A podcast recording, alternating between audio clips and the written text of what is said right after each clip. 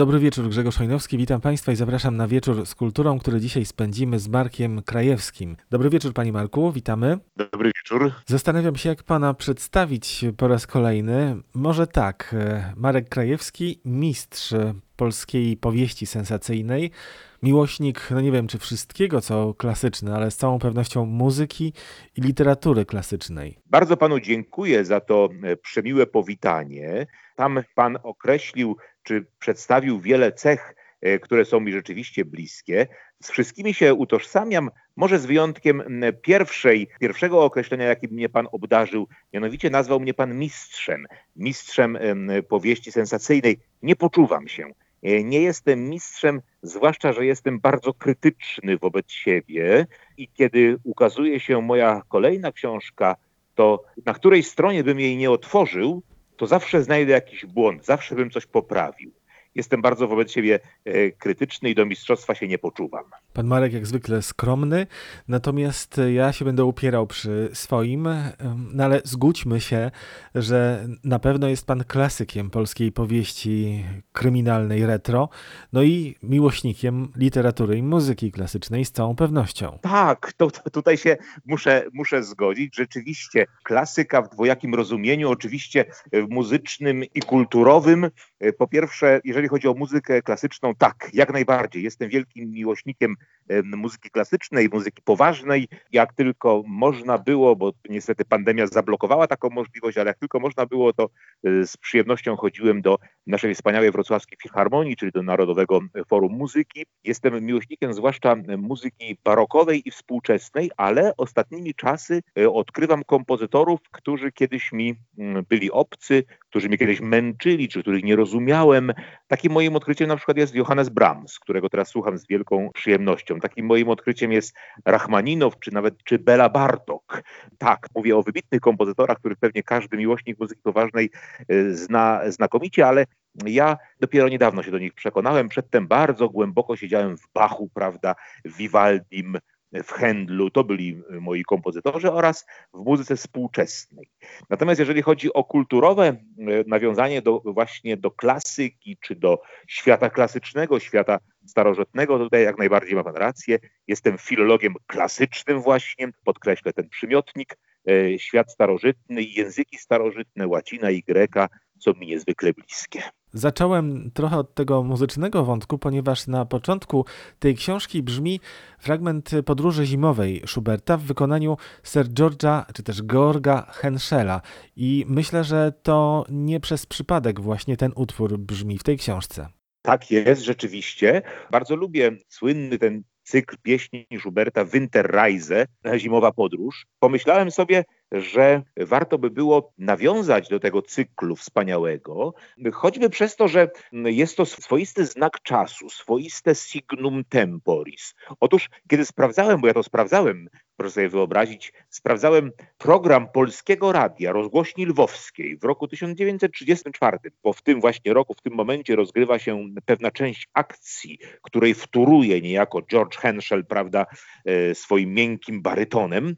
Otóż Sprawdzałem y, w programie Polskiego Radia Rozgłośni Lwowskiej, że o 23, właśnie w ten dzień, w którym się rozgrywa y, ta cząstka akcji, nadawano najpierw koncert życzeń, a potem podróż zimową Schuberta. Y, śpiewał ją i akompaniował sobie na, na, na fortepianie właśnie wspomniany wybitny baryton George albo Georg, bo on pochodził z Niemiec, jak pan słusznie zauważył, Henschel. Tak, muzyka, muzyka pojawia się czasami w moich powieściach, ponieważ ona mi towarzyszy no, na co dzień. Pieśń w wykonaniu Henschela, pieśń Schuberta, brzmi dokładnie 12 września 1934 roku w powieści Miasto Szpiegów, najnowszej powieści Marka Krajewskiego, czyli to jest dwa dni po śmierci Georga Henschela. Mówię teraz Georga, ponieważ e, nie wiem, czy pan grzebał aż tak mocno. Georg Henschel, w różnych źródłach Ismo albo Isidor Georg Henschel, urodził się w 1850 roku we Wrocławiu. A nie, zaskoczył mnie pan, nie wiedziałem o tym. Nie wiedziałem o tym. Znałem, znałem to nazwisko wcześniej, wiedziałem, że to był no, wybitny muzyk, Natomiast, że on, był, y, że on pochodził z Wrocławia, jestem zaskoczony i to przyjemnie zaskoczony, bo jest to jakiś niezwykły zbieg okoliczności. Ja bardzo lubię takie zbiegi okoliczności, bo oto mamy no, tutaj wykonawcę, który jakby spaja czy łączy dwa tak bliskie mi światy, mianowicie świat Wrocławia i świat Lwowa. W Lwowie faktycznie tego dnia, w związku ze śmiercią y, tego wykonawcy, emitowano utwory, y, które on śpiewał, pieśni, które, które on wykonywał. Y, w związku z jego śmiercią to było takie no, niejako rekwiem dla tego wykonawcy. Natomiast, że on był z Wrocławia, sprawia wiadomość, nie wiedziałem o tym. Tak, to był ważna postać. Był pierwszym dyrygentem Bostończyków, potem uczył w Juilliard School. Ja go mam po prostu na liście bohaterów mojej audycji, ponieważ prowadzę taką audycję w Radiu Wrocław i Radio Wrocław Kultura pod tytułem Wariacje, audycję poświęconą muzyce klasycznej, do której zapraszam, że tak powiem, artystów, muzyków, kompozytorów, którzy związani są jakoś z Wrocławiem. Czy tu się urodzili, czy mieszkali, edukowali, czy tworzyli, choć przez chwilę we Wrocławiu. No i Georg Henschel jest na tej liście, a dzięki pańskiej książce, to w tej kolejce przesunie się trochę bliżej i już wkrótce będą Państwo mogli posłuchać więcej Georga Henschela na antenie naszego radia. Ciekawe było mi to słyszeć, tym bardziej, że rozmawialiśmy przez chwilę, czy wspomniałem przez chwilę o Johannesie Bramsie, który, jak wiemy, no, skomponował słynną uwerturę akademicką, y, czyli utwór związany y, z wrocławską uczelnią, z wrocławskim uniwersytetem, z niemiecką Alma Mater, e, ale jednak i pan i ja jesteśmy jej absolwentami i pan i ja jakoś interesujemy się i państwo, którzy nas słuchają na pewno, interesują się jej niemiecką przeszłością, widzą pewną ciągłość, prawda? I tutaj, tutaj ta ciągłość jest również widoczna w życiorysach muzyków, artystów, E, to bardzo interesujące. To przejdźmy teraz do książki Miasto Szpiegów, lata 30. Jesteśmy w Lwowie, przynajmniej na początku. Edward Popielski podczas programu rewiowego w kinoteatrze spotyka się z Janem Henrykiem Żychoniem. To jest postać autentyczna. Tak, autentyczna postać, szef ekspozytury numer 3, czyli centrali wywiadowczej, której działania skierowane były przeciwko Niemcom. E, centrali wywiadowczej, będącej oczywiście częścią słynnej dwójki, czyli drugiego sztabu, drugiego oddziału sztabu y, głównego, polskiego wywiadu i kontrwywiadu wojskowego. Tak, Jan Henryk Żychoń, niezwykła postać, malownicza, trochę birbant, trochę bon vivant, y, niepokorny, popadający w konflikty z przełożonymi, ale niezwykle, niebywale skuteczny. Jego akcje przeciwko Niemcom, przeciwko Abwerze były akcjami wręcz wzorcowymi. Bardzo mnie ta postać zainteresowała. To e, taki jakby duchowy trochę krewniak moich bohaterów. Z jednej strony lubujący się w rozmaitych rozrywkach, z drugiej strony przenikliwie inteligentny, człowiek, który e, no, szczerze jest oddany ojczyźnie, wielki patriota, e, którego zresztą niestety pamięć też oczerniono trochę. W monografii historycznej na jego temat e, przeczytałem, że oskarżenia były niesłuszne, mianowicie oskarżano go, że mimo wszystko współpracował z niemieckim wywiadem, że, że e, archiwum tej ekspozytury dostało się w ręce Niemców w 1939 roku nieprzypadkowo, że niby sugerowano, że to Żychoń e, sam Niemcom te wiadomości, te, to archiwum sprzedał. Jak się okazuje, są to podejrzenia niesłuszne. Postać niezwykle interesująca, popadł w konflikt później już po roku 1939 z władzami wywiadu wojskowego na emigracji, podał się do dymisji i walczył jako żołnierz. Walczył jako żołnierz i umarł jako żołnierz pod Monte Cassino. Zginął.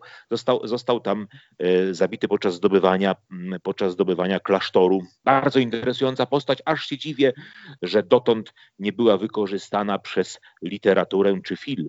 No, jest pan jak zwykle tutaj e, liderem w wyszukiwaniu takich e, postaci, takich smaków z historii.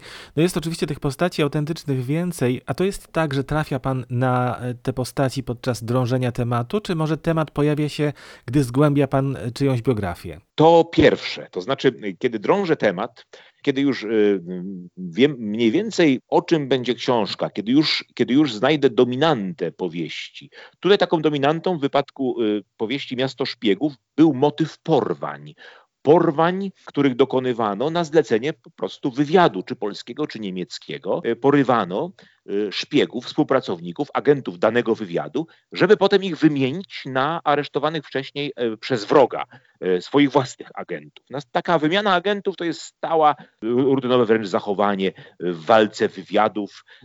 I kiedy o tych porwaniach czytałem, kiedy czytałem znakomity artykuł profesora Wojciecha Skóry, pomorskiego badacza ze Słupska, historyka, który napisał artykuł pod tytułem Porwania jako element walki wywiadowczej, to już wiedziałem wtedy, że to jest temat, który wykorzystam w powieści, bo wydał mi się on bardzo interesujący, frapujący, niezwykle ciekawy.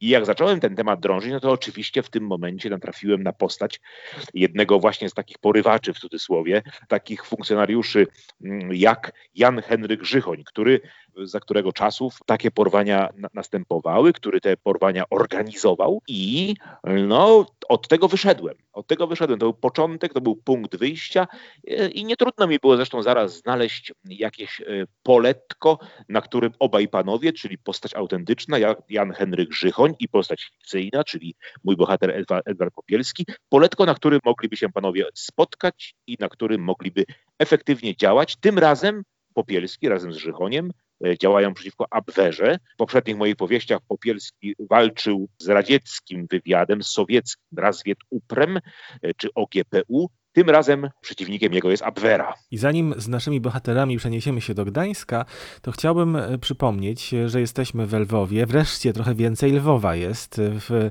książce o Popielskim. Był pan tym razem, czy korzystał z pamięci? Dawno już nie byłem w Lwowie. Lata minęły. Y, ale muszę y, no, z radością powiedzieć, że byłem tam wielokrotnie. Byłem tam wielokrotnie i, i, i mam całkiem dobrą, sporą dokumentację fotograficzną, y, dokumentację faktograficzną, czy też topograficzną, prawda? Rejestrowałem na zdjęciach miejsca, które odwiedzałem, charakteryzowałem je już tak no, moich notatkach. Czyniłem rozmaite notatki, charakterystyki poszczególnych miejsc, pisałem o powiedzmy uczuciach, które mi towarzyszyły, kiedy takie czy inne miejsce widziałem. Są takie lwowskie notatki, które są mi bardzo potrzebne. Z tym, że no, ten mój ostatni pobyt chyba był w Lwowie w roku 2000 13, może 12, już sam nie pamiętam dokładnie, a, a, od tego czasu, no czyli to jest prawie 10 lat, e, od tego czasu mm, bardzo się wzbogaciła cyberprzestrzeń czy cybersfera, prawda, wzbogaciła się o materiały. Jest mnóstwo portali, w tym bardzo dobre portale ukraińskie, na których można znaleźć bardzo wiele, y, wspaniałą dokumentację i fotografie, i opisy, wręcz coś w rodzaju takich nawet ksiąg adresowych. Ja tak mówię coś w rodzaju, ponieważ nie są to tak dobre, y, wyczerpujące księgi adresowe jak te, y, z których korzystam przy opisywaniu niemieckiego Wrocławia. Nie, takich ksiąg nie znalazłem. Natomiast proszę sobie wyobrazić, że znalazłem pewną stronę internetową prowadzoną przez prawnika, prawnika, który analizuje czy szuka spadkobierców, rozmaitych właścicieli kamienic lwowskich i tutaj te kamienice są nawet miejscami dość dobrze szczegółowo opisane. Zatem internet jest tu e, wspaniałą skarbnicą. No w tej chwili nie trzeba się e, przemieszczać, jechać do innego miasta, żeby je opisać. Oczywiście ja mówię o takim opisie no, naskórkowym, o takim opisie powierzchniowym, bo jeśli, jeśli się chce miasto rzeczywiście poznać, to trzeba tam być, trzeba oddychać, trzeba widzieć, trzeba się napawać, tak jak ja się napawałem zielenią Lwowa, kamienicami Lwowa, atmosferą Lwowa, no i oczywiście wspomnieniami moimi także rodzinnymi, ponieważ moja mama, jej rodzina pochodzi z ziemi lwowskiej, te wspomnienia wtedy bardzo mocno odżywały. Mhm, no, wspominał pan już kiedyś, kiedy rozmawialiśmy, że dziadek był kelnerem, tak, w Lwowie? Tak, dziadek był kelnerem w Lwowie przed wojną, a mój cioteczny dziadek, czyli brat mojej babki ze strony matki, w Lwowie y, przed wojną bywał bardzo często i to miasto mi opisywał. Kiedy byłem dzieckiem, y, chłopcem paroletnim, pięcio, sześcioletnim, to mój wuj, bo nazywałem go wujem, przychodził często do nas do domu i raczył mnie opowieściami o wspaniałym, rozśpiewanym, zielonym polskim Lwowie, w którym y, zgodnie żyły obok siebie trzy narodowości Polacy, Żydzi i Ukraińcy. Wiem dzisiaj, że opowieści mojego wuja były sielankowe nieco, nieco idealizowały e, tamten świat. Trudno się dziwić, to był świat jego młodości, świat, który utracił na zawsze, ale głęboko mi e, zapadły w pamięć, kiedy e, opisuję Lwów nieodmiennie czynię to, jak sądzę, no, z szacunkiem dla tych, dla tych również niepolskich narodowości, które tam mieszkały, dla naszych niepolskich sąsiadów, choć oczywiście wiem doskonale i nikt tutaj chyba, chyba innego zdania by nie mógł wygłosić, że było to pijące, wspaniałe serce polskiej kultury. A jak pan zwiedził laboratorium Weigla, które opisuje pan w bardzo realistyczny sposób? Zwiedziłem je literacko. Jako czytelnik je zwiedziłem. Otóż nieocenioną pomocą była książka Mariusza Urbanka, profesor Weigl i karmiciele wszy. Wydana ta książka była trzy lata temu, w roku 2018. Znakomita książka, świetnie udokumentowana, świetnie napisana. E, Mariusz Urbanek, no, wrocławski autor i dziennikarz, no rzeczywiście tutaj mm, oddał mi wielką przysługę. Opisał detalicznie, jak się wchodziło do laboratorium, jaki był napis na drzwiach, prawda, gdzie to laboratorium dokładnie się mieściło. Opisał nawet, jak pachniała wypastowana podłoga w starym, tak zwanym starym uniwerku przy ulicy Świętego Mikołaja, czyli w starym Uniwersytecie Jana Kazimierza, tym takim no, najstarszym gmachu, gdzie wcześniej były koszary, wcześniej kolegium jezuickie i tak dalej, i tak dalej. Z książki Urbanka czerpałem pełnymi garściami. No to jeszcze, y, skoro mówimy o Lwowie, to na Uniwersytecie Lwowskim studiowała też Herminia Naglerowa, którą wspomina Pan przy okazji jednego ze spotkań, e, na którym z kolei obecny jest jej mąż, czyli Leon Nagler, szef stołecznej policji. To bardzo ciekawa postać. Leon Nagler i jego żona Herminia Naglerowa, pochodzący e, z rodzin żydowskich zaasymilowanych, wrośniętych w kulturę polską. Leon Nagler, doktor prawa, absolwent Uniwersytetu Jana Kazimierza, lwowiak, no, zajął wysokie eksponowane stanowisko w policji państwowej, był inspektorem policji, a jego żona, piękna Herminia Naglerowa, młodsza od niego dużo, o ile pamiętam, była autorką powieści. I to powieści obyczajowych, opowieści takich, no, epopei można powiedzieć wręcz. Przyznaję się tutaj z ręką na sercu, że nie czytałem powieści Herminii Naglerowej, ale wydała mi się ta osoba niezwykle interesująca i musiałem aż o niej wspomnieć, co może, co może niektórzy czytelnicy przyjmą z pewnym przymrużeniem oka, bo właściwie sam Leon Nagler jest postacią poboczną, a ja tu jeszcze nie dość, że tę poboczną postać wprowadzam, to jeszcze opisuję jego żonę. No trochę chciałem się może nawet trochę popisać moimi wiadomościami, a może po prostu przedstawić czytelnikom, czy pokazać, jak y, wzbogacali naszą kulturę nasi bracia czy współobywatele pochodzenia żydowskiego. No, z osobistego doświadczenia mogę panu powiedzieć, że te detale, te bardzo poboczne wątki są dużą inspiracją dla czytelników, którzy no, dzięki także właśnie takim wzmiankom e, mogą się dowiedzieć o istnieniu takich osób jak Herminia Naglerowa, a może wręcz skłonić e, nas do tego, żeby sięgnąć po jedną czy dwie książki, bo może warto. No, miło mi, że pan, e, że pan to dostrzega. Jestem człowiekiem bardzo dokładnym i, i czasami no, muszę się, łapię się na tym, że, że no, chcę z radością się podzielić czy, z czytelnikiem wszystkim, co wiem na dany temat. A tutaj na szczęście włączają się moi czujni redaktorzy, którzy no, swoim redaktorskim skalpelem to i owo wycinają, a ja się na to pokornie zgadzam. Wiem, że czasami zdarza mi się no, jakąś scenę przegadać, jakiś opis jest zbyt długi. Zdaję sobie z tego sprawę i, i z radością się zgadzam na rozmaite skróty, bo to tylko służy książce. No właśnie, bo tak rozmawiamy o tych pobocznych sprawach, bo wiadomo, w przypadku kryminału nie będziemy zdradzać wiele z akcji. Natomiast rzeczywiście to widać w Pana książkach, że e, Pan i Pana współpracownicy, współpracowniczki, czyli redaktorki, no dbają o to, żeby te proporcje nie zostały zachwiane. Mam bardzo dobre grono współpracowników. E, po pierwsze, moje redaktorki no, tropią e, różne błędy, powtórzenia. Mam też współpracowników takich trochę nieformalnych. To są moi pierwsi czytelnicy, którzy pod różnymi kątami czy różnie patrzą na moją, na moją książkę, która jeszcze się nie ukaże, która dopiero trafia na biurko redaktorów. Mój kolega polonista tropi pewne manieryzmy językowe, inny kolega, który jest znawcą e, literatury sensacyjnej, e, szuka punktów kulminacyjnych, właściwego rozłożenia niespodzianek, suspensów w książce, ale nade wszystko tutaj wielką pomocą mi służy mój eksplorator, E, z wydawnictwa Znak, który, Mikołaj Kołyszko się nazywa ten pan, e, który wyszukuje mi materiały, po prostu. Rozmaite, zakamarkowe często, trudne do znalezienia.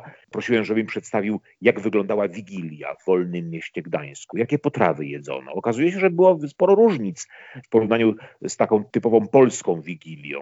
No nie wiedziałem, nie zdawałem sobie z tego sprawy. Kiedy opisuję pewne przyjęcie w antykwariacie w wolnym mieście Gdańsku, to e, tam się pojawia coś w rodzaju takiego konkursu, powiedzmy, do którego stają mężczyźni, wypijają alkohol, w którym znajduje się marynowana śliwka, potem o tę śliwkę łamią wykałaczki, to jest tak zwane łamanie masztów. Dziwna, dziwna zabawa. Wygrywa ten, którego maszt jest najdłuższy, powiedzmy. Tak to mniej więcej wygląda.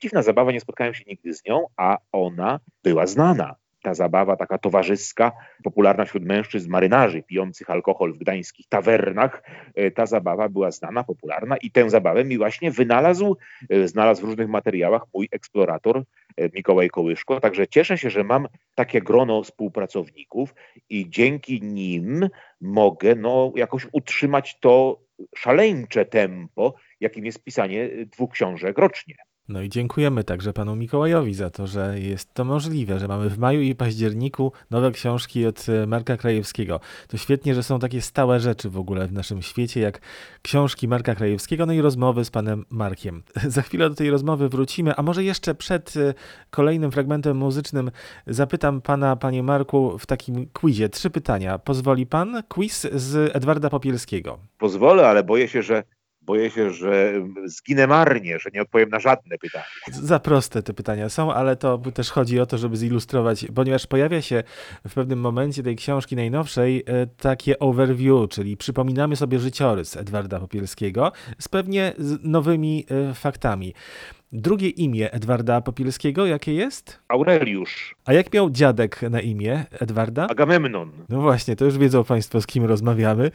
A jaki tytuł nosiła dysertacja doktorska Edwarda? A tytuł, tytuł akurat akurat tego tytułu nigdy nie zapomnę, bo to jest tytuł mojej pracy doktorskiej, tylko że no, Edward Popielski napisał ją po niemiecku, ja po polsku. Po niemiecku to brzmi Die griechischen Leinwörter bei Plautus, czyli greckie zapożyczenia u Plauta. Ja taki doktorat napisałem i w tym curriculum vitae Edwarda Popielskiego też on występuje, tylko że w wersji niemieckiej, bo, bo Popielski był absolwentem Uniwersytetu Wiedeńskiego. No właśnie, prozodia greckich zapożyczeń u Plauta to zanim zapytam, który z bohaterów e, Marka Krajewskiego jest bliższy samemu autorowi, posłuchajmy jednego z utworów, który no może nie brzmi w książce tak e, w stu procentach, ale zabrzmi albo zabrzmiał na pewno gdzieś pomiędzy tymi kartami akcji, chociaż trudno to tak na 100% powiedzieć z drugiej strony. Tutaj troszeczkę Państwu zdradzę, ponieważ e, po tym, kiedy Leokadia, czyli kuzynka Edwarda, otrzymuje te płyty w prezencie wigilijnym, dzieje się coś takiego dramatycznego. I nie wiem, czy miała czas po prostu posłuchać Mendelssohna. Pozwoli Pan fragment koncertu Mendelssohna? A, oczywiście, piękny jest to koncert. Przypominam, że słuchamy Radia Wrocław, Radia Wrocław Kultura, a naszym gościem jest Marek Krajewski, no, autor najnowszej książki Miasto Szpiegów o przygodach Edwarda Popielskiego. Obiecałem to pytanie naszym słuchaczom i sobie również. Który z bohaterów, Edward czy Eberhard, jest panu bliższy, panie Marku? Edward, zdecydowanie Edward. Z wielu powodów. Po pierwsze jest Polakiem, tak jak ja. Bardziej się utożsamiam z bohaterem y, polskim niż z bohaterem niemieckim. Jestem y, Polakiem, mówię po polsku, jestem zakorzeniony w tej kulturze. Potrafię się wczuć w rolę Edwarda Popielskiego, kiedy na przykład ten walczy w wojnie polsko-bolszewickiej, albo kiedy swoje usługi ofiarowuje y, wywiadowi polskiemu, z całą pewnością. Natomiast w wypadku Eberharda Moka to muszę tutaj lawirować nieustannie, bo Eberhard Mok jest policjantem wrocławskim oczywiście i no jest daleki od sympatyzowania z nazistami. Jest wrogiem hitlerowców. E, ale po 1933 roku, kiedy Hitler doszedł do władzy, Mock musi jako wysoki funkcjonariusz policji no, składać pewne serwituty, wpisywać czasami w ten nazistowski, hitlerowski chór. To mi się bardzo nie podoba i staram się unikać jak mogę opisywania tego zaangażowania Eberharda Moka. To zaangażowanie jest, jest powierzchowne oczywiście, takie symboliczne. On tak naprawdę głęboko no, nie znosi i gardzi nazistami. Muszę tutaj niestety dokonywać pewnych takich manewrów literackich. Podczas gdy w wypadku Popielskiego absolutnie nie muszę tego robić. Y, w pełni się z jego, z wszystkimi czynami solidaryzuję, natomiast nie ze wszystkimi czynami Moka się solidaryzuję. Także Edward Popielski jest, jest mi zdecydowanie bliższy. Tak się spodziewałem, zwłaszcza po tym, że napisał dokładnie taką samą pracę doktorską jak pan, panie Marku. Jeszcze nas jedno łączy, wie pan. Ra razem z Edwardem mamy podobne, właściwie identyczne fryzury. No tak, to również rzecz jasna. Natomiast e, ten kontekst nazistowski również pojawia się w tej książce najnowszej, bo już jesteśmy w takim okresie, kiedy Hitler dochodzi do władzy w Niemczech e, i zresztą jednym z przeciwników Edwarda Pobielskiego w Wolnym Mieście Gdańsk jest SS-man.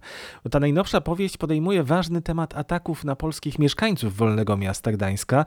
I jak duży to był problem? Oj, bardzo duży. O ile lata dwudzieste i wcześniejsze były latami sielankowymi, to znaczy w Gdańsku żyło w samym mieście, według różnych rachub, no powiedzmy około 10% stanowili Polacy. W samym mieście podkreślam, bo teren Wolnego Miasta Gdańska to był również Sopot, okoliczne wioski i no, jeszcze sporo terenu pozamiejskiego. To tam, gdyby tak policzyć mieszkańców tych terenów podmiejskich, byłoby około 20% Polaków i Kaszubów, bo nie oddzielano ich precyzyjnie. Zatem była to spora mniejszość. To współżycie Polaków i Niemców, sąsiedzkie życie było dobre, pełne no, sympatii, ale do momentu, kiedy nie rozgorzała nienawiść podsycona przez hitlerowców, którzy doszli do władzy w styczniu 1933 roku. Może trochę nawet wcześniej, bo zanim doszli do władzy, to już ta kampania nienawiści była rozpętana bardzo mocno. Wtedy rzeczywiście Polakom się bardzo w Gdańsku źle żyło. Po pierwsze, za używanie języka polskiego można było, można było być pobitym. Bywały takie wypadki, że Niemcy zostali pobici, niemieckie starsze małżeństwo zostało pobite tylko za to, że mm, zbyt późno wstali, kiedy w radiu, w kawiarni nadawano hymn niemiecki. Ale wróćmy do Polaków. Polacy byli prześladowani, dokonywano zbrodni, mordowano Polaków. Bardzo często sprawcy nie ponosili właściwej, adekwatnej odpowiedzialności. To było niezwykłe, kiedy pewien Niemiec o nazwisku Walter Gengerski zamordował Polaka nożem, zasztyletował Polaka, kolejarza polskiego, niejakiego Bolesława Styrpickiego i e, za ten czyn nie został ukarany. Sędziowie gdańscy wręcz wychwalali go, rzekomo Polak go zaatakował, a Senat Wolnego Miasta Gdańska y, nagrodził owego Gengerskiego, tego mordercę, nagrodził posadą inspektora do spraw ogrodów, proszę sobie wyobrazić. A kiedy kolejarze chcieli y, na pogrzeb y, swojego kolegi, tego właśnie Styrbickiego, uświetnić orkiestrą, muzyką, marszem pogrzebowym. Senat zabronił kolegom, y, muzykom kroczenia w kondukcie pogrzebowym. Były takie sytuacje wręcz ohydne, odrażające, kiedy pewnemu młodemu marynarzowi wycięto, wyrżnięto nożem na, na piersiach swastykę, a sprawcy znani doskonale nie zostali ukarani. Ba, ów sprawca został, to już, to już taka mieszanina no, groteski, absurd, mordu ponurego. Ten pokaleczony człowiek, Polak, został mm, skazany na grzywnę za obnażanie się w miejscu publicznym. Był, wycięto miał swastykę na piersi, był bez koszuli. Naj, najbardziej mnie mm, poruszyła historia prawdziwa, bo te wszystkie historie są opisywane przez prasę polską. Historia, kiedy dwóch pijanych czy trzech pijanych y, drabów zaatakowało dwie młode dziewczyny, czy trzy gimnazjalistki chodzące do słynnego gdańskiego gimnazjum macierzy polskiej, które mówiły po polsku i ci pijani mężczyźni, młode dziewczęta 14-15-letnie po prostu pobili. Wzburzyło mnie to, kiedy czytałem, kiedy czytałem te opisy.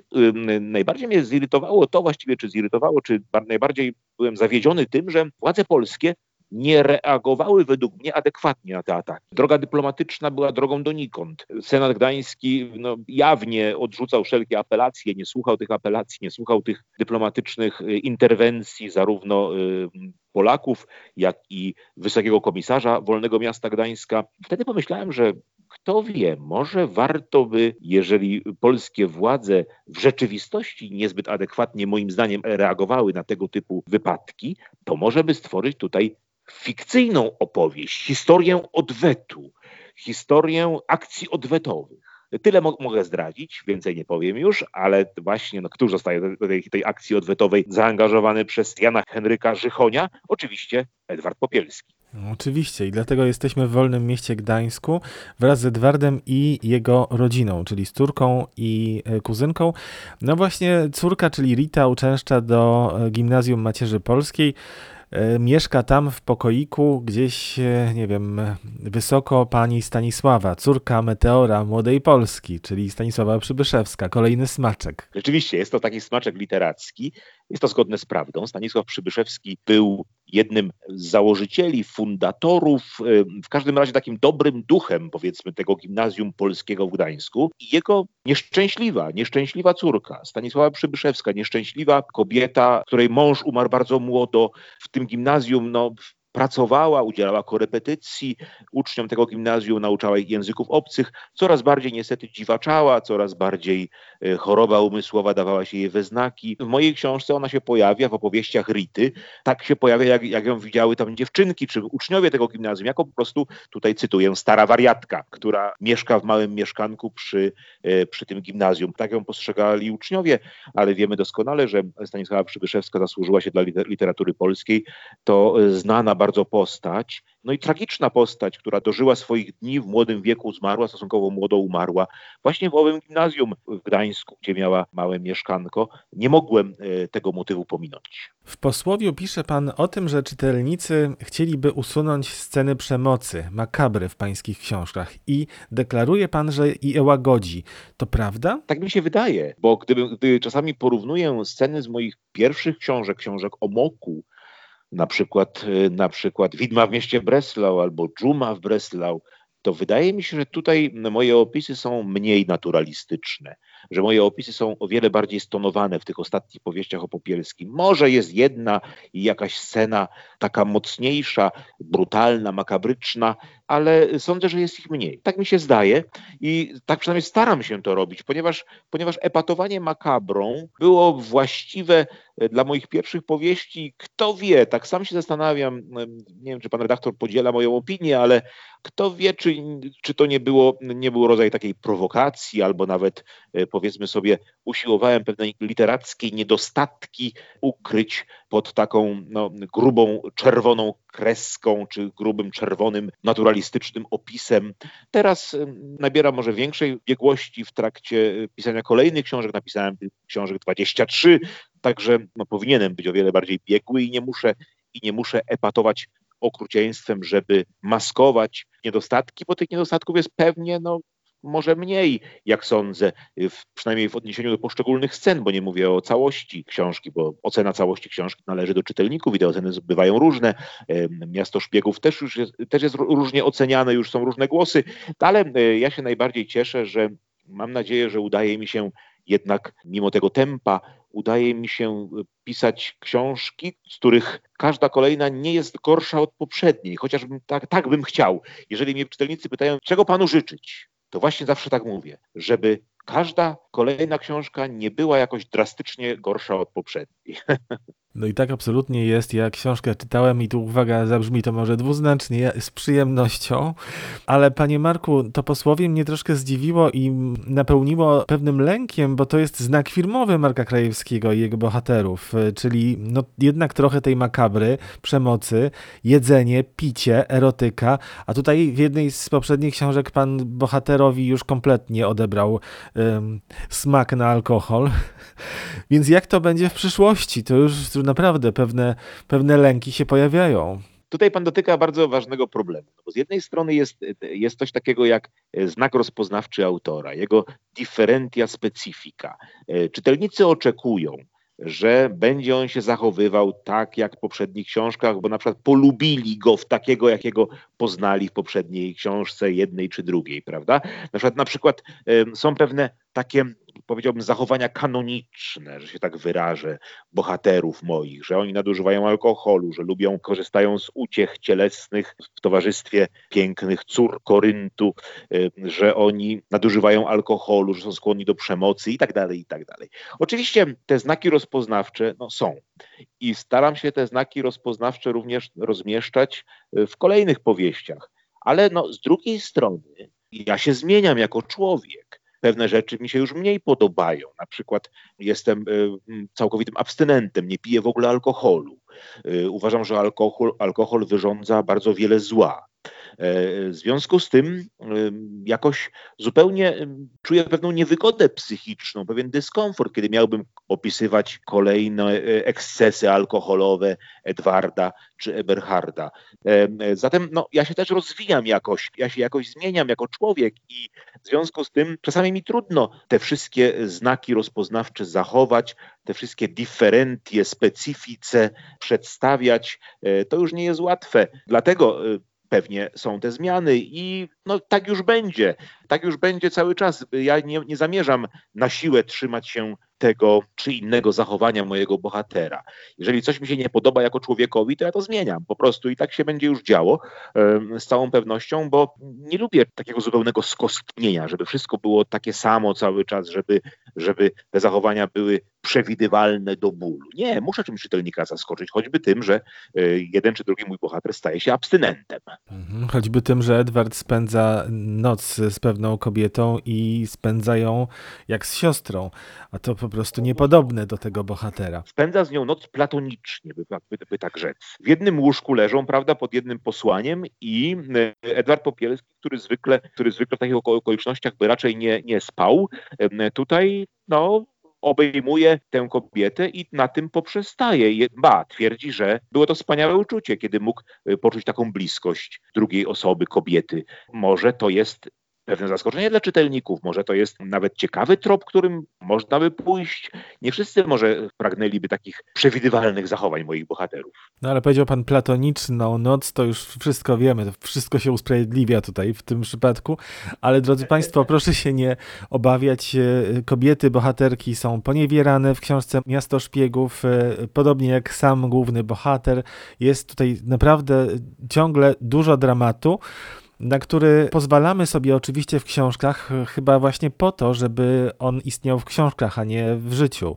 To jest pewien cel no, tej literatury gatunkowej. Tak, to prawda. Oczywiście, kiedy agresja, którą jesteśmy wyposażeni jako zwierzęta, jako, jako gatunek Homo sapiens, kiedy taka agresja może ulec pewnemu takiemu, powiedziałbym, ludzkiemu skanalizowaniu, czyli na przykład w postaci, nie wiem, kibicowania drużynom sportowym, albo w postaci y, literatury, albo nawet w postaci wybitnych dzieł y, muzycznych, gdzie, które czasami aż kipią od emocji, no to jest to zamiana, moim zdaniem, godna uwagi i właściwa. Kiedy autor pisze o agresywnych zachowaniach swoich bohaterów, to raczej już wtedy agresywnie nie, nie reaguje na co dzień na, na rozmaite przeciwności losu. To jeszcze jedno pytanie na koniec, które zadaję od pewnego czasu. Pan się zawsze wyślizguje z tego pytania, ale z tej odpowiedzi, ale już jesteśmy blisko moim zdaniem, ponieważ po pierwsze wiemy już oficjalnie dużo więcej.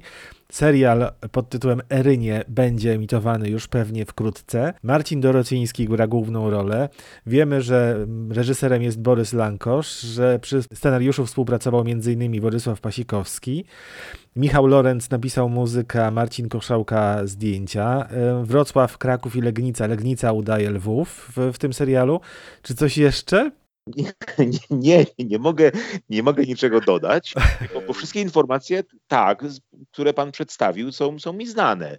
Natomiast y, kiedy zobaczymy, to jest podstawowe pytanie i na to pytanie nie potrafię odpowiedzieć. Y, kiedy zobaczymy serial, no cóż, czekam, czekam, czekamy wszyscy. Kto wie, y, może w tym roku bardzo bym chciał. Są pewne, jak sądzę, przeszkody są pewne jeszcze jakieś komplikacje, no ale nie mnie o tym mówić. Ja jestem, e, zrobiłem swoje, dostarczyłem e, literacki, powiedzmy, materiał, który został wykorzystany. Bardzo jestem ciekaw efektu końcowego. Tutaj mogę tylko tyle powiedzieć, że specjalnie nie mieszałem się do produkcji. Nie należę do tych pisarzy, którzy potykają się o kable na planie filmowym chodzą i rozmaite uwagi zgłaszają y, na każdym etapie prac. Zaufałem specjalistom i mam nadzieję, że moje zaufanie nie okaże się y, błędem. Czyli odmówił pan sobie przyjemności wystąpienia w jakiejś tam scenie na piątym planie, jak Alfred Hitchcock na przykład, który pojawiał się zawsze w każdym swoim filmie, gdzieś tam na ułamek sekundy. No cóż, tutaj mogę tylko powiedzieć nie potwierdzam i nie zaprzeczam. Ach, jednak, jednak to trafienie, drodzy Państwo. To czekamy, czekamy na Edwarda serialowego, filmowego, ale też czekamy na nowego y, Moka, Panie Marku, który niezawodnie w październiku? Tak, tak, w październiku zacząłem już go pisać. Tego Moka już zacząłem, już, już napisałem nawet dość dużo. Teraz w tym tygodniu przerywam sobie na, jakieś, na, na chwilę pisanie, bo, bo obowiązki medialne związane z promocją powieści Miasto Szpiegów mnie wzywają, e, ale Moka już zacząłem pisać. Tak jest, Eberhard Mok e, tutaj e, zostaje uwikłany powiedzmy w pewną, pewną nieoczekiwaną dla niego sytuację. Otóż musi opiekować się małym dzieckiem, pewnym chłopcem, który mu mocno komplikuje życie, ale jest ta postać tego chłopca związana bardzo mocno no, z pewnym ponurym śledztwem, które Eberhard Mock prowadzi. Mamy rok 34, czyli po dojściu Hitlera do władzy. Mogę tylko tyle zdradzić, że, że jest to moment, kiedy naziści rozpaczliwie potrzebowali pieniędzy i zalegalizowali kasyna. Przedtem kasyna były nielegalne. Ten motyw tutaj legalizacji gry hazardowej w tej powieści wykorzystuję. To zanim powrócimy do literackiego Wrocławia, do literackiego Breslau y, przedwojennego, to wybierzmy się do Lwowa i do wolnego miasta Gdańska wraz z Edwardem Popielskim. Panie Marku, bardzo panu dziękuję za rozmowę. Dziękuję bardzo, bardzo mi było miło.